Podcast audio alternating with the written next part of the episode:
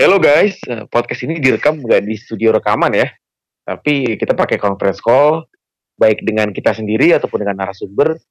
Mohon maklum kalau misalnya ada ada suara truk lewat, motor lewat, ataupun kelihatannya lagi ngobrol sama orang lain gitu. Thank you.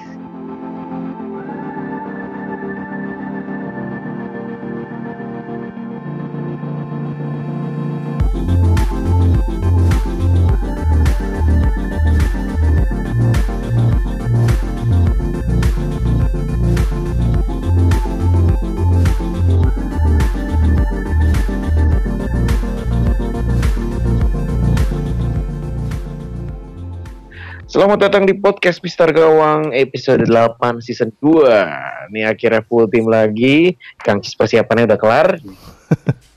Ada lagi persiapan Kang Cis yang mungkin bisa kita bantu? Ya, siap-siap apa ya.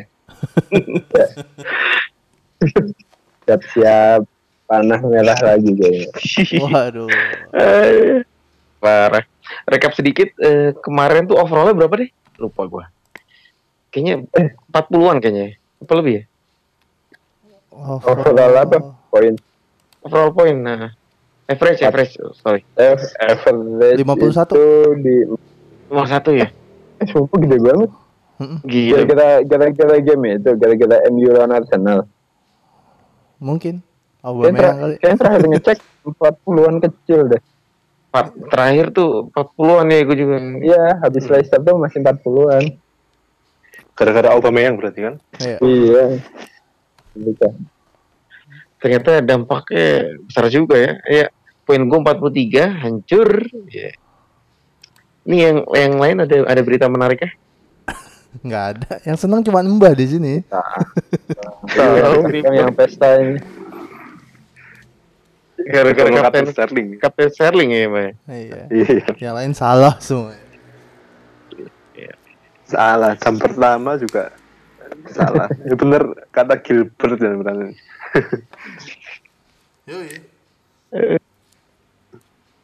Si Son masih nyekor walaupun asis.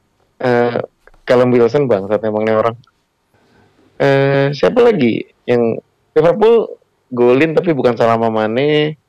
Eh Watford masih kalahan. Masih Fardi, Fardi. Fardi. Fardi. Jadi. Aguero, Aguero nggak starting ya? Aguero nggak starting. Tapi, tapi dapat asis lumayan. Temi blank. Temi blank ya. Fardi ya begitulah ya. Hmm, udah udah kayaknya sama MU goblok Ini- banget.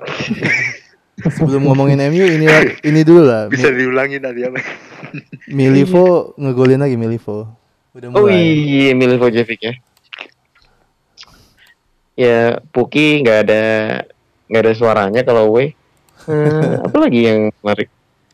Udah sih. Oh, MU kenapa, Pak? Menarik. MU kenapa tadi? MU MU goblok banget. Pak parah men, ya udahlah. Arsenal juga parah sih. Langsung aja kita bahas ke recent update yang mau kita bahas. Salah satunya ada Lundstram. Dan Lundstram ini besok ketemu Watford. Watford ini jadi salah satu pertahanan yang paling buruk ya di IPL ya. Termasuk eh, back tertingginya back eh, poin back tertingginya mereka ini cuma cuma berapa ya Watford ya? Cuma cut card kan 6. Ya, jadi gimana? Bah, menurutmu Bah? Watford eh Lundstram ketemu Watford. Eh, kalau saya sih pasang ya karena nggak ada pilihan lain. Misalnya mungkin bagi para manajer yang punya pilihan yang lebih baik, dirasa lebih baik ya mungkin kalau saya punya pilihan lebih baik, saya pasang yang lain sih. Cuman masalahnya kan Watford juga jelek. Lagi jelek, terus Lundstram juga kadang-kadang kadang-kadang poinnya tinggi. Jadi ya mau nggak mau saya pasang lah karena selain nggak ada pilihan lain juga Watford lagi jelek itu sih kalau saya tapi harapannya nggak terlalu tinggi sih mbak kalau saya ya minimal ya paling dua poin tiga poin nggak apa-apa lah lengkap lah Ba- bakal CS ke sih Bah? Lawan Watford nih. Away sih ya tapi ya. susah nggak sih kalau saya Iya. tetap feeling ketat sih cuman ya karena nggak ada pilihan lain harga 4,0 4, berapa sekarang 4,2 ya Eh, Iya, naik terus dia. Uh, Empat empat pak, Lundstram pak. Empat empat. Iya. Nggak ada alasan untuk nggak pasang sih kalau saya. Iya. Ini kita semua punya Lundstram kan ya? Punya dong. Iya, Punya punya, semua punya, punya. Aman aman. Kenapa bang? Kayak sih ya enggak, maksudnya eh, si Sheffield United tuh lumayan lumayan ketat juga sih kemarin waktu lawan Liverpool ya, walaupun main di home sih. Ada kemungkinan juga sih dia bisa clean sheet lawan Watford. Watford tuh baru ngegolin 4 kali ya. Udah 7 game kebobolannya 20 biji. Tapi jangan lupa Watford juga punya satu pemain buangan Arsenal yang sedang ingin naik daun. Waduh. Uh, Welbeck ya. Willy. Kan lalu starter. uh, paling enggak kalau Dini kan masih absen ya kalau nggak salah Dini masih absen kemungkinan absen. Iya. Uh, potensi Welbeck untuk membuktikan bahwa dia bukan pemain kelas bawah terbuka sih ya, kalau menurut saya harusnya.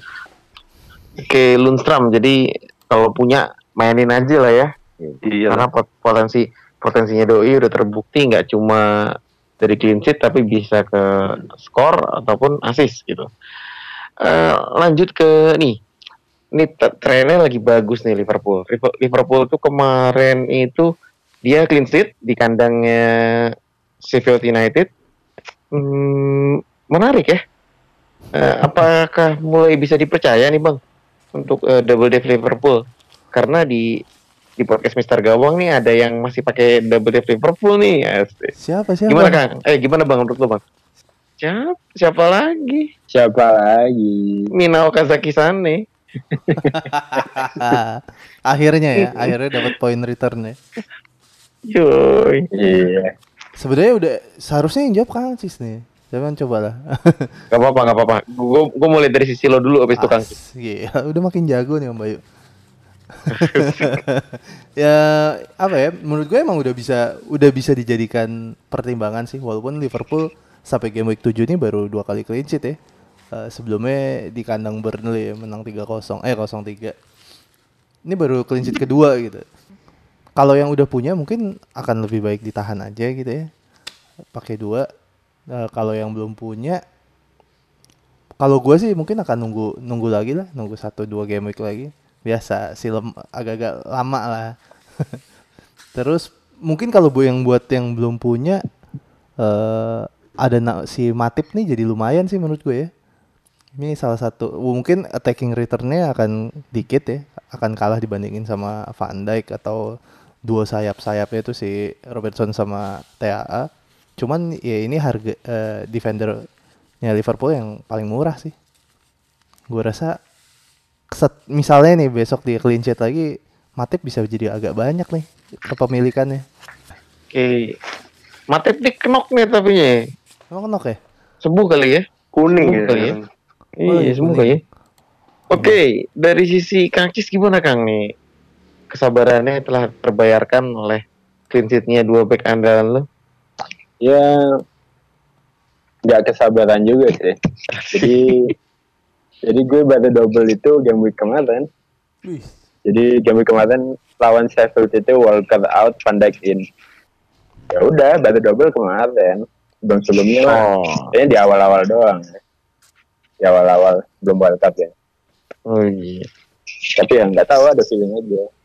Ya emang feeling kadang kadang bagus, kadang jelek. Kalinya jelek, ya yang kemarin itu saya Bernardo Silva. Bernardo Silva dibuang bangsat. Ya, ya, ya untuk untuk game week ini ya lagi beruntung lah. Kebetulan Walker juga nggak clean.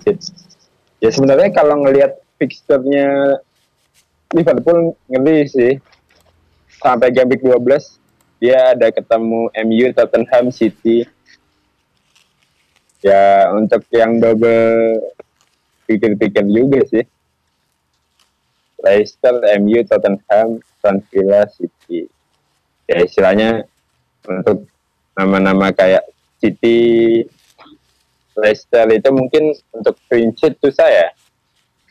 Jadi mungkin berhabitan yang lain. Tapi kalau MU sama Tottenham ini tricky sih. Soalnya FDR-nya merah, tapi form kedua tim juga emang lagi lagi Nggak konsisten ya. Enggak, Tottenham yang habis dibully Munchen Muncul. Judulnya. Di kandang lah Iya, ya. Gila. dihajar genap dihajar legendnya Arsenal Gnabry 4 gol ya. empat gol ya itulah ya maksudnya untuk kalau mau double sih kalau ngambilnya sekarang sih ya boleh aja asal kayak gue sih emang ya udah buat jangka panjang buat mikirnya buat sampai mungkin sampai World Cup selanjutnya. Atau kalau memang jangka pendek ya nantilah. Sampai week 12 masih FDL-nya masih susah. Bisa dicari alternatifnya. Apalagi ya back?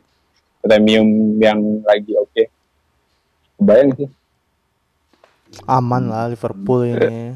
Menang pasti. ya, clean sheet-nya itu pak ini tapi ini Tapi kan juga sih. pakai pakai back Liverpool kan kayak TAA itu kan berharap uh, poin penyerangan kan tapi ya uh, berarti kan kalau nggak clean sheet pun nggak apa-apa asal ngasilin poin misalnya umpan atau apa gitu kan. ya kecuali emang dia double-nya Matip sama Van Dijk sih. Itu baru Amsyong tuh. ngapain? Uh, ya tapi Alisson juga kapan sembuh? Game week berapa? Kayaknya pekan ini udah latihan. wah ya udah. Sikat double kalau gitu mah Eh itu tadi ya dari ngomongin potensi double dev Liverpool. Eh, lanjut lagi ke ini potensi Puki sekarang karena te- ternyata kebukti eh ini gue gue cukup berbangga hati karena gue gue udah udah duga kalau misalnya hmm, Puki bakal hancur di away tapi ternyata beneran hancur dan sekarang besok eh, doi kandang gimana kang menurut lo kang Puki. Ya. Tapi kalau ngelihat datanya, setiap dia main home, dia double digit. Simpel itu sih. Setiap dia main home, dia double digit. Dan setiap away ya, ya mungkin yang lawan Liverpool satu gol ya. Sempat satu gol. Tapi away yang lainnya cuma dua poin asli nggak ngapa-ngapain. Ya berbanding terbalik sama home ya. Home itu paling kecil 11 poin lawan Chelsea dan paling gede bisa hat trick lawan Newcastle. Jadi untuk next nih fixturnya Aston Villa home. Nah, Aston Villa home ini mungkin kalau ada yang mau kapten Pukis itu termasuk apa ya? Termasuk sensible captain sih. Maksudnya itu bukan eh, nggak bisa dibilang itu kapten diferensial juga. Itu pasti akan banyak itu pengikutnya itu kapten Puki. Karena Puk- Puki sendiri juga di apa ya kepemilikannya paling gede ya di antara striker yang lain 44 persen. Jadi ya akan banyak lah nanti eh, di tim-tim pilihan apa ya eh, di tim-tim yang lain itu yang pasang kapten Puki itu nggak nggak sedikit lah. Ya sedikit. Jadi pasti ditahan sih. Nggak mungkin juga buang Puki game begini. Soalnya oh, Aston Villa home kan tahan aja dan murah juga. Sekarang 7,2 kalau ngambilnya dari enam setengah kalau dijual udah berapa tuh? Enam Hmm, sembilan. 7 juta. 6 9 7 juta. Pokoknya naiknya 0,2 baru naiknya satu hitungannya. hmm, oh ya eh, berarti 72 enam setengah tujuh Iya 69 ya atau enam 7 lah. enam delapan lah enggak kalau ngambil dari enam setengah dia enam delapan Oh gitu ya. 68 ya ya masih sayang banget kalau dibuang cuma dapat 68 tapi besok mau diambil lagi harganya udah di 72 mungkin kalau dia panen bisa di 73 74 besok rugi lah ya skip aja lah buat yang belum punya eh di sini kita siapa yang belum punya bukti Gua gua Mas, gua ya? gak punya Puki. Saya, saya. waduh ini gimana ah, mungkin pertanyaannya dibalik ke yang belum punya bukti nih gimana nih kalau ngelihat polanya bukti di home panen apakah tergoda untuk ngambil Mbah dulu mungkin. menarik ya Buki karena lawannya Aston Villa. Eh, eh, kepikiran sih kan ngambil Buki, cuman pilihannya nggak sulit, agak sulit ya karena selain ini jeda internasional, takutnya ada pemain-pemain yang lain cedera juga. Eh, kalau saya ingin ambil Buki sih, aku kira keluar kan di Buki. wow Eh, itu sempat kepikiran sih barusan kepikiran kata-kata Kang Cis ini ya cuman kita lihat nanti lah Eh, Puki main di kandang ya potensinya memang bagus banget sih. Gue nggak punya sekarang karena ya bener udah udah ambil Abraham eh, karena lebih lebih lebih stabil kayaknya ya dengan squad Chelsea-nya gitu. Kayak kayak penyerangannya maksudnya.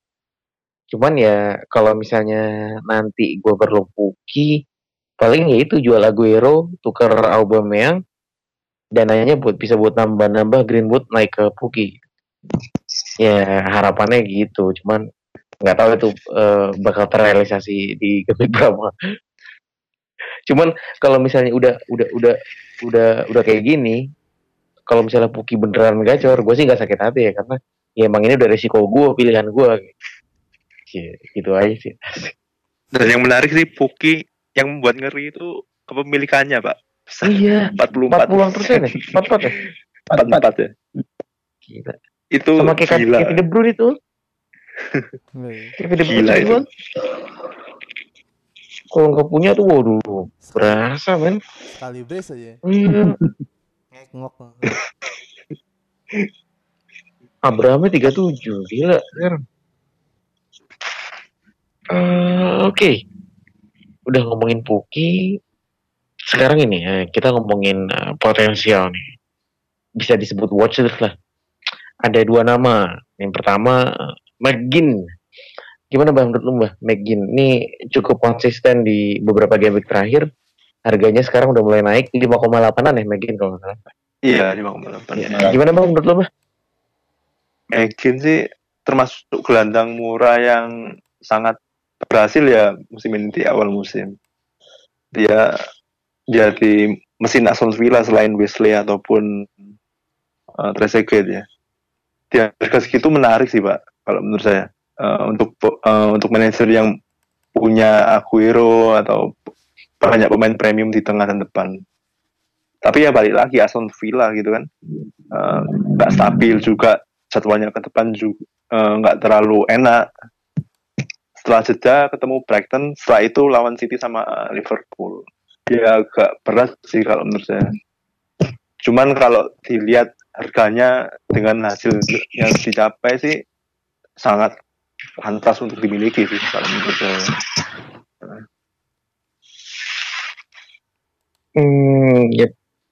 Ada satu nama lagi, eh watchlist kita, eh Andriy Yarmolenko. Bang Erik, eh lu bakal ngambil nih orang nggak? Uh, Yarmolenko nggak tahu deh, belum kayak. Eh menarik sih kemarin dia tuh udah berapa sih dua Yarmolenko tiga gol ya, ada tiga gol. Tiga gol sejauh ini. Eh, dua gol kayaknya udah berturut-turut ya. Dua game terakhir dia satu gol satu gol gitu. Menarik sih Yarmolenko nih. Cuman masalahnya eh, di bracket harganya dia nih 6 ya saingannya kayak sama tadi tuh mungkin ya. Sedangkan mungkin kayak lebih murah 5,8 apa berapa ya? Iya, Iya, 5,8. Iya 5,8. Mungkin lebih murah. M- Mungkin ada siapa lagi ya di bracket segitu? Ada McNeil, McNeilnya Burnley, ada tiga assist juga. Itu lebih murah lagi. Ada Tot, Canwell, Tot ya. ya. Ada Canwell, terus ya di atas kertas sih menarik Yarmolenko, apalagi fixturenya menjanjikan ya, banyak hejo-hejonya. Gue nggak ini sih, nggak nggak nggak nggak ada feeling mau masukin dia, walaupun statsnya oke. Jadi tahu deh. Menurut lu gimana menurut lu? Yarmolenko. Kalau gue, gue sih emang udah transferin ya Yarmolenko beberapa pertimbangan yang sempat gue ambil karena dari musim lalu juga sebenarnya dia cukup bagus, cuman memang performanya West Ham ini eh, nggak konsisten. Eh, terus eh, yang poin kedua yang gue garis bawahi di sini, mereka sekarang punya Sebastian Haller yang pemain yang memang eh, jadi tokoh utamanya eh, si West Ham dalam eh, inisiasi serangan. Jadi eh, pas gue pas kemarin nonton MU itu banyak eh, bola-bola dari Yarmolenko itu eh, back-backnya MU tuh malah malah ini malah terkecoh gitu jadi jadi ya menurutku malah malah malah lebih dapat eh, ruang ruang yang memang nggak nggak disangka-sangka gitu. makanya sempat eh, tampil oke juga kan pas lawan MU kan dia bisa buat gol jadi buat buat gue menarik sih ya dengan harganya yang masih eh, 6 juta ya gue beli tuh masih harga Iya, lima sembilan kalau nggak salah cepet juga naiknya dia Hmm. Yep, eh, itu Yarmolenko. Hmm, sekarang ke salah satu watchlist lagi nih. Tapi ini watchlist yang udah cukup familiar. Kepemilikannya kurang lebih 37%. Tammy Abraham nih harus sabar gak sih Kang? Punya doi? Si Abraham ini ya. Udah entar kita buka dulu statsnya. Abraham ini jadwalnya enak ya secara jadwal. Wah 8 sampai 12 hijau asli. Parah enak kayak. ya ya kayak yang pernah gue tweet gue sebenarnya takut sih nggak punya Chelsea. Maksudnya ya entah Mount atau Abraham ya. Karena memang apa ya mainnya juga udah membaik terutama serangan ya. Kalau defense sih hmm, nggak tahu ya. Ya itulah. Kayaknya rata-rata tim juga punya salah satu lah antara Abraham sama Mount. Nah kalau case-nya Abraham kalau kalian emang double dan mau mencoba Abraham ke pemain lainnya sih nggak apa-apa ya. Kalian masih ada Mount. Tapi kalau kalian buang Abraham sehingga nggak punya penyerangan Chelsea sih agak bahaya sih karena apa ya fixturnya enak harganya murah. Ya untuk ukuran striker sih ya di 7,6 striker utamanya Chelsea. Itu bergen sih bergen banget. Jadi ya sabar aja lah. Kan gimana ya kalian nggak mungkin berharap dia double digit selalu double digit kan? Ya istilahnya kayak kemarin double digitnya tuh udah udah habis tuh di game week 3, 4, 5 dia di game week 6, 7 kayak cool down dulu oke ngeblank dulu. Nah, bisa jadi di 5 game week berikutnya akan ada double digit lagi tapi nggak tahu di game week yang mana nggak tahu di game week yang mana. Jadi ya ya udah sahabat aja. Ya terutama sam- sampai game week 12 lah. Tapi kalau sampai game week 12 ternyata blank semua itu baru buang aja. Nggak guna ada lah Iya, ini kayak fix dari lima ini ada lah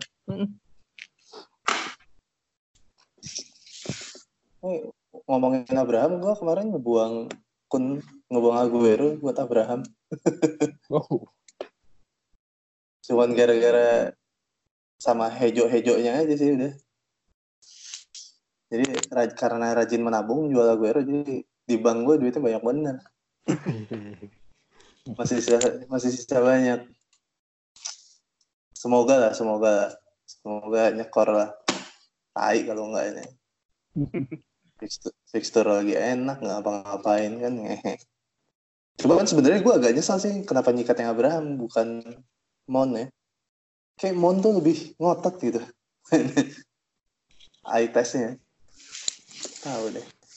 Cuman secara permainan eh, pekan lalu kurang beruntung sih menurut saya Abraham. Beberapa peluang yang harusnya gol Iya, malah nggak gol. Peluang itu tetap ada sih harus. Abraham tuh ngingetin kita kayak Rashford musim lalu ya. Enggak lah, Pak. Oh, Enggak. harganya, harganya, harganya. Oh, harganya. Bu- bukan kualitasnya, beda lah kalau kualitas. Ah, Rashford mah kebanyakan ini over apa namanya? Pemberitaan yang berlebihan lah gitu. Harganya menarik. sih? Harga tujuh 7 jutaan kan musim lalu Rashford. Sekarang harga delapan setengah. Ah. Nggak penting lah itu. Eh, eh, yep. Satu lagi. Nih, ini ini mulai mulai hangat sih, bukan mulai hangat. Eh, mulai ada penyesalan-penyesalan. Orang banyak transfer dari Sterling ke KDB, tapi ternyata KDB-nya cedera. Bagaimana Mbak menurutmu Mbak? Ini yang yang udah kejadian nih. Yang udah kejadian transfer Sterling ke De Bruyne. Mm-mm. Ya resiko ya. karena udah kejadian terus di berita juga De Bruyne agak bermasalah ya Hmm. cedera ya resiko sih gimana Kayaknya lagi lama ya, Mbak, ya? Hah? Kayaknya lama. enggak Udah. sih katanya Pep eh, kalau enggak pekan ini atau setelah jeda international break jeda Oh gitu. internasional Jadi kalau misalnya emang lo punya, lo nggak mau minus lagi, ya udahlah cadangan lo aja mainin gitu ya. cuman cukup tricky sih kalau menurut saya pak Eh, untuk pemain harga segitu Kalau cadangan kayak sayang banget ya. gimana apalagi sekarang kayak pesaing pesaingnya macam Son terus ada lagi PP bahkan itu lawan-lawannya di atas kertas cukup enteng gitu Hmm. kalaupun kita cadangin KDB terus kemudian Son atau PP bersinar wah itu lumayan sakit kalau menurut saya Eh, berarti menurutmu cukup worth it ya kalau misalnya emang kita buang KDB dulu, misalnya udah ada kepastian nih kayaknya Tergantung sih. main nih. kalau misalnya kalau misalnya saya beli KDB pekan ini ya mungkin saya jual Eh, yang agak dilema itu mungkin yang sudah punya Dari- KDB dari lama ya? lama oh, lama itu banyak pertimbangan lah itu harusnya Nggak kebalik itu, Mas. ya Nggak kebalik. maksudnya Maksudnya kalau gua baru beli KDB mungkin akan gua Iya. Eh, maksudnya kalau gua udah punya KDB lama, mungkin akan gua tahan sih. Kalau emang cederanya nggak terlalu serius gitu. Kalau cuma satu game week miss ya udahlah daripada belinya lagi males. balik lagi ke itu sih balik lagi ke apa ya Kebutuhan squadnya ya. Iya, eh, kepentingan masing-masing manajer. Kalau kan sekarang kan poin antar eh, atas bawah cukup pendek ya kalau menurut saya. Eh, satu game week itu pengaruh sih kalau menurut saya. Agak ap- dilema juga. Saya juga punya KDB soalnya. Eh, eh, Mm-mm, kalau sama. gitu, ah, ya, pengen dijual tapi kok pengen beli lagi harganya udah tinggi. Kalau nggak Iya. main terus cadangannya nggak ada gitu kan. Kalau nggak main cadangannya mati. Ya itu. Ih sekarang Hen- Henley tuh nggak Grand Henley tuh nggak main lagi ya? Nggak main ya. Beberapa Aduh. pekan. Pekan lalu nggak main ya. Nggak main, udah, udah dua. Mungkin sih gara-gara ngelihat siapa sih si pelatihnya tuh yang menang lawan City kan. Kayak Hmm. ngerasanya wah back gue jago-jago nih. Cuman mungkin apa ya kalau diganti KDB ke pemain City lain mungkin Sta- eh, Mahrez Mahrez menarik sih. apalagi kalau tadi dengar beritanya Kang Cis ya Kang ya. Oh iya, Gimana Kang tadi Kang? Udah dengar belum sih? Ada istilahnya eh bet- tentang Bernardo Silva. Jadi dia itu apa ya semacam eh, terancam mendapatkan hukuman dari FA karena nge-tweet apa ya sebenarnya cuma guyon sama si Mendy sih dia kayak nge-tweet apa gambar Mendy gitu tapi menurut FA terlalu ofensif sehingga bisa diancam bisa enam enam enam kali apa ya enam pertandingan ban Hmm. tapi ya Bernardo itu Silva. ya Bernardo Silva tapi nggak tahu itu udah ketok palu apa belum tapi ya hari ini dapat dapat kabar gitu sih nah kalau misalkan memang Bernardo Silva miss out selama itu wah Mahrez sih keren sih Mm. di harga 8,5 dan statsnya juga keren, poinnya juga keren. Kayaknya Mahrez dengan harga segitu sih kalau memang ada slot sih wah apa ya istilahnya worth worth lah untuk dicoba. Tapi nggak tahu, pantau terus nih kabar si Bernardo Silva beneran apa enggak dia kena kena kasus itu. Tapi Mahrez nih udah dua game week emang nyekor mulu sih. Iya. Kayak juga. Yang punya masih dikit lah ya. Semoga apa ya? Semoga berita Bernardo pekan ini ya sebelum deadline sudah ada keputusan. Hmm, iya iya. Kalau KTB memang absen, Bernardo out, pasti Mahrez lah ambil. Tapi masih sama nggak mainnya mah kalau nggak ada Bernardo dan KDB. Nanti Butuh amat lah. pasokan yang penting City tetap City. takut, takutnya pasokan pasokan bolanya jadi kurang. Ada David Silva masih ya Pak, tapi. Ya, cuman tanpa KDB pasti pengaruh lah ya. Tapi dengan jadwal yang City ijo-ijo di atas kertas ya, ya harusnya bisa lah ya. Lawan Wolf yang lagi tersakiti, terus kemudian lawan yang ijo-ijo.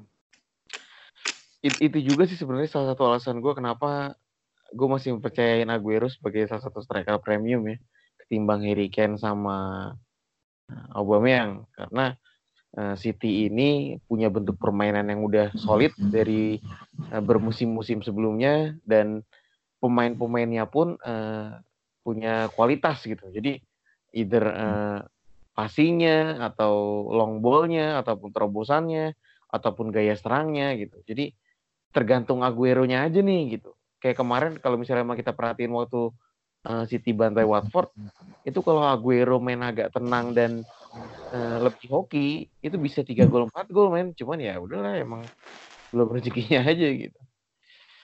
Uh, opsi kapten Bang Erik, lo di game week 8 ini siapa opsi kapten lo Bang? Hmm, kalau pemain yang gue punya sih kemungkinan salah satu pemain City lah ya. Gue gue cuma punya dua, Sterling sama KDB. KDB kalau nggak main ya Sterling.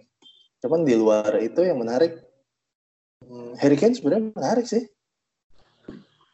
Eh, di, dua pertemuan terakhir di kandangnya Brighton, dia selalu ngegol itu satu-satu.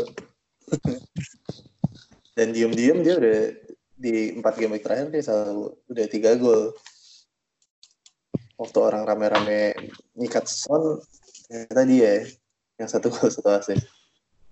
Paling eh, selain selain Kane kalau yang gue nggak punya, Aubameyang tuh menarik banget sih. Udah tujuh gol, tujuh game week. Musuhnya juga Bournemouth ya, lawan Bournemouth ya. Iya, lawan Bournemouth Hmm. di home. Dan musim lalu Auba juga ngegolin ke ke Wang Bournemouth di kandang atau di tandang disikat semua. Ini emang agak anjing sih ya, si Aubameyang ya. Kayak nggak kayak nggak kena radar tapi kok gimana gitu tapi ngegolin mulu kan ngehe. Bisa gitu dalam satu pertandingan dia nggak ngapa-ngapain. Tiba-tiba eh kayak kemarin lawan MU kan. Tiba-tiba dapat ini ya? peluang, Iya. iya dapat peluang cakepan dikit langsung dar masuk. Kan anjing dengan pemain kayak gini nih. Gitu. Paling sama kalau ada yang mau agak-agak gambling ya Timo Puki boleh lah. Tadi udah dijelasin sama Kang Cis ya. Jago kandang ya. Itu paling. Apalagi Aston Villa juga belum pernah clean sheet kalau nggak salah. Jadi menarik banget sih Timo Puki. Yang lain gimana? Bah, lo opsi kapten lo siapa, Mbah? Eh, Sterling sih kayaknya karena Sterling pas Liga Champions kemarin nggak main istirahat Aguero main 80 di atas 80 menit Eh, KDB juga nggak pasti main salah ketemu Leicester yang lumayan alot Sterling lah kalau saya Sterling Eh, Kang, siapa Kang? Kayaknya udah disebutin semua deh tadi. Ya, tapi kalau nge-highlight dua nama sih mungkin Aubameyang sama Puki ya. Di uh, fixturenya enak. Dan juga gini, eh mungkin ada yang udah merhatiin juga. Kalau kita udah jalan berapa nih? Udah jalan 7 game week. Cuma ada tiga pemain. Cuma ada tiga pemain yang setiap game weeknya return. Aubameyang, Aguero, Callum Wilson. Salam Wilson. Ya, ada tiga itu. Ya, kalau berharap track recordnya lanjut sih, berarti kemungkinan tiga itu bisa jadi kapten kan. Tapi kalau ngeliat fixturnya, sebenarnya Aubameyang lawan Bournemouth home ya. Oke lah, itu misalnya secara fixture enak lah. Big Six home lawan tim papan tengah. Aguero juga, tapi dengan catatan kalau main ya, main full. Tapi menariknya Aguero walaupun dia- datang dari bench juga tetap aja ada kontribusinya. Bahkan sampai game 7 ini. Nah, terakhir Callum Wilson nih. Kalau berharap defense-nya Arsenal masih yang yang begitu, yang dipimpin David Luiz gitu, ya bi bisa sih kalau mau iseng-iseng sebenarnya. ya tapi sebenarnya kayaknya nggak perlu jadi kapten sih. Punya Callum Wilson pun udah udah pembeda, udah cukup pembeda dari yang lain karena Wilson juga kepemilikannya 11 persenan kalau nggak salah. Ya, jadi kalau untuk opsi kapten utama Aubameyang sih, karena track recordnya belum pernah blank, sistemnya enak, atau temu Puki karena track recordnya di home juga double digit, ini jadi uh, peluangnya gede sih untuk double digit di game ini. Hmm, oke okay, oke. Okay. Gue malah kepikiran kaptenin Abraham. Ya, ini beneran ya, gue bukan ngejinx doang. Eh, karena selain rekornya Southampton ini main di kandang saat ini mereka belum pernah menang uh, dua kali kalah satu kali imbang terus uh, rekornya Abraham pas away ini juga mengerikan juga gitu. dia hat trick di uh, Wolverhampton dan dua gol di Norwich nih dan harusnya oke okay sini uh, Chelsea dengan maunya dengan eh dengan mau dengan Abraham William yang udah mulai padu ya. Ya kira-kira gue masih 70 per, 75 persen lah Abra. Nah, eh, pertanyaan terakhir untuk Kang Cisewu. Kang, hmm. ini kalau lu tadi gua gua kan udah dengar Mbah nih, Mbah kayaknya mau save free transfer. Lu kalau lu ini menjelang international break save free transfer atau ajar aja? Ya, tergantung kebutuhan tim ya. Kan tim orang beda-beda. Jadi mungkin kalau ada yang cedera atau emang udah apa ya emang butuh pemain yang dibeli di game week ini ya, ya mungkin dipakai lah maksudnya. Nggak jadi keharusan juga untuk save transfer sebelum international break. Cuma ada positifnya untuk teman-teman yang mungkin memutuskan untuk save transfer ya. Jadi dengan kita punya dua free transfer di game week 9 ya game 9 itu game week setelah international break. Uh, beberapa benefitnya yang pertama itu di international break biasanya suka ada cedera-cedera yang tiba-tiba sih. Tiba-tiba si A nggak main, tiba-tiba si A cedera dua game week apa segala macam. Jadi istilahnya kemungkinan di game week 9 itu tim kita bisa berantakan. Itu ada kemungkinan itu kalau dari pengalaman ya dari pengalaman international break yang dulu-dulu ya biasanya suka gitu entah dia cedera atau mungkin telat pulang itu ada juga jadi biasanya pemain-pemain yang uh, international breaknya uh, mungkin di benua benua Amerika ya itu biasanya kalau ada pertandingan yang agak mepet ke game week terus dia telat pulang jadi uh, istilahnya nggak ikut training untuk game week 8 gitu loh jadi kadang dia main dari cadangan segala macam. Nah itu emang harus pantau berita sih. Nah dengan kita punya dua free transfer itu, kita bisa yang namanya ya yang pertama kita pakai dua transfer itu juga udah cukup membantu sih untuk nembak tim. Dan bahkan kalau emang kurang kita butuh tiga transfer kita cuma kena minus empat. Maksudnya itu yang namanya mini wildcard ya. Jadi masa dengan cost cuma minus empat kita udah bisa ngelombak tiga lini sekaligus entah itu kita bisa istilahnya ngerombak budgetnya lah yang bisa pemain murah kita upgrade atau sebaliknya kan susah tuh kalau kalau cuma pakai satu free transfer kan nah, kalau dua mungkin kurang mantep ya kalau tiga harus min 8 nah dengan kita punya dua free transfer lebih fleksibel aja sih ya kalau kata orang-orang di Twitter sih begitu. Biasanya kebanyakan sebelum international break kalau emang bisa ya save FT aja, save free transfer. Tapi kalau emang mendesak, kalau misalkan KDB udah pasti nggak main nih, udah gregetan pengen ngambil Son atau PP ya, ya silakan aja. Tidak ada keharusan. Tapi emang dulu-dulu juga pernah sih mengalami ini dan dengan dua free transfer itu emang lebih enak Gak tahu kalau di sini Om Bayu apa Bang Erik apa Mbah biasanya di international break yang dulu-dulu gimana? Hajar-hajar aja apa sempat pernah ada kepikiran untuk mini wildcard gini? Hmm, gue di international break kemarin sih nggak mini wildcard sih, cuman save transfer jadi punya dua. Ya emang lebih enak sih sebenarnya. Cuman kalau yang kali ini kayaknya sih gue pakai emang transfernya. back gue cuper-cuper mau ganti back satu. Gue ada dua pemain yang cedera nih, De Bruyne sama Hay- Hayden. Dua-duanya pemain tengah kayak. Udah gitu kalau mau dilapis sama back gue agak-agak sampah semua gini. Punyanya ada Kelly, Dang, terus Van Dijk, Lascelles sama Lundstrom. Si Lascelles sampah ketemunya ketemu MU. Eh, ketemu MU mah harusnya bisa menang ya. Pasang, pasang. Kayaknya pasang nih. Gak jadi deh, gak jadi sampah nih. Kayak menang nih. Bangsat. Ini biasanya kalau gini, menang nih MU-nya nih. Nah, ya nggak apa-apa lah, yang mana aja. itu sih paling. Kayaknya sih gue make sih untuk di sini. Untuk kali ini ya. Nggak tahu mbah. Eh, saya kapan lalu eh, jeda pertama malah wildcard pak sebelumnya. Jadi game week 4 wildcard, game week- sebelum game week 5 kan jeda internasional ya. Malah, malah wildcard. Jadi memasuki satu game setelah jeda cuman punya satu. Dan masih oke ya karena kebetulan nggak ada pemain cedera. Untung. Itu sih. Tapi untuk pekan ini kayaknya tergantung KDB sih.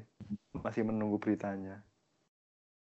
Pinginnya sih ganti satu, ganti Adrian. Adrian saya pingin saya keluarkan, ganti kiper lagi. Cuman kalau misalnya nggak bisa atau KTP positif nggak main, terpaksa Adrian bertahan satu game week lagi. Bertahan satu game week. Bertahan satu Yeah. game week. Eh, mini wildcard ya. Eh, beberapa kali gue gue sempat lakuin ya. Yang pertama kali ya itu yang minus minus pertama kali tapi hasilnya nggak baik. Eh, mungkin ke depannya masih belum kepikiran. Atau kalau misalnya emang gue mau buang Aguero ya harus mini wildcard kalau itu karena budgetnya kan lumayan nih bisa buat dibagi-bagi nih ke posisi yang membutuhkan. Eh, ada lagi yang mau dibahas? Mbah nih biasanya mbah. Enggak. Enggak. Oh iya, Eh, jadi di akhir pekan nanti ya tim podcast Mister Gawang nih diundang untuk eh, ngobrol-ngobrol, diskusi-diskusi bareng eh, MPL. Kalian pernah dengar MPL, Mobile Premier League? Nah, kita nggak tahu nih eh, diskusinya bakal seperti apa dan nantinya eh, apa yang dihasilkan dari diskusi tersebut nantikan saja eh, dan akan kita bahas di podcast Mister Gawang eh, episode berikutnya. Terima kasih sudah mendengarkan. Eh, Salam-salam sama keluarga. Wassalamualaikum warahmatullahi wabarakatuh. Salam FPL Wah, selalu. Waalaikumsalam. itu salam terus jeda itu mikir pak ya. Mikir, Pak. Tiba-tiba blank. Salam super.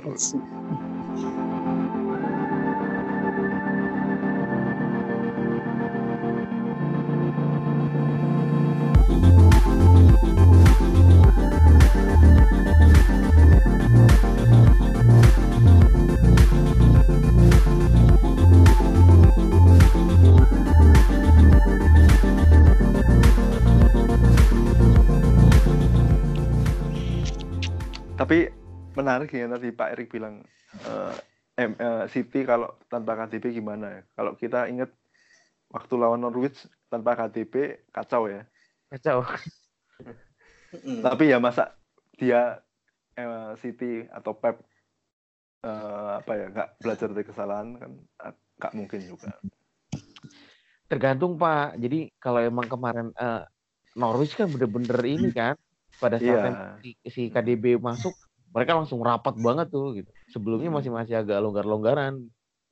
Sebenarnya kalau gue perhatiin ya, eh, biasanya tim-tim kuat, tim-tim gede gitu ya, eh, keunggulannya mereka itu mereka bisa main cepat sih. Biasanya ya. Makanya MU mainnya lama mulu ya, sampai Nah. kalah mulu. Gua, gua baru mau ngomong. MU kayaknya Main dari nggak- bolanya Oh berarti bukan tim besar berarti ya?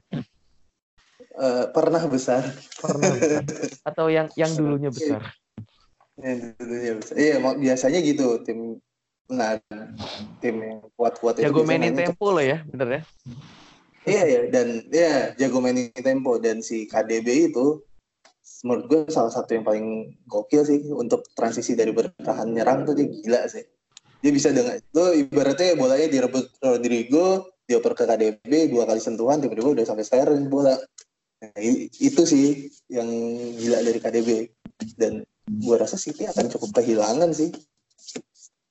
Sama KDB karena yang lain kan tipikalnya eh, kayak Silva Silva bersaudara itu tipikalnya bola-bola pendek ya.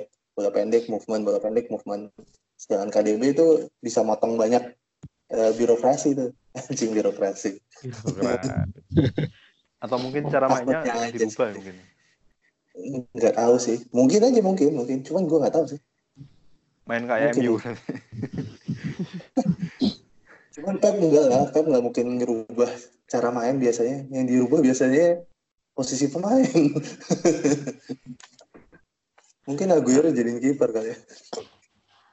Ngom- ngomongin 4-4-2 lah. KDB eh, ngomongin KDB gue jadi ingat dulu eh, pertama kali eh, doi masuk ke Chelsea ya itu masih kurus men. Masih kurus masih muda. Cuman memang itu eranya Mourinho kalau nggak salah. Eranya Mourinho, Mourinho. Mourinho. tapi ya itu karena masih muda Mourinho kan kalau dulu kan agak ini kan nah, idealisnya tinggi gitu. Dia kayaknya pemain-pemain muda ini agak-agak agak-agak haram gitu buat, buat berkembang di skuadnya. Termasuk si Romelu Lukaku kan akhirnya nggak bisa bersaing dia. Eh pindah ke Wolfsburg langsung jadi terus pindah ke City makin gede badannya gila main bola keren-keren banget ya badannya bisa kekar begitu Iya. Biar kalau di body sama Guire nggak jatuh. Takutnya itu doang sih, Mbah. Nggak ada KDB sama Bernardo. Tiba-tiba agak mungkin akan tetap menang, cuman nggak se-eksplosif kalau ada dia gitu. Hmm.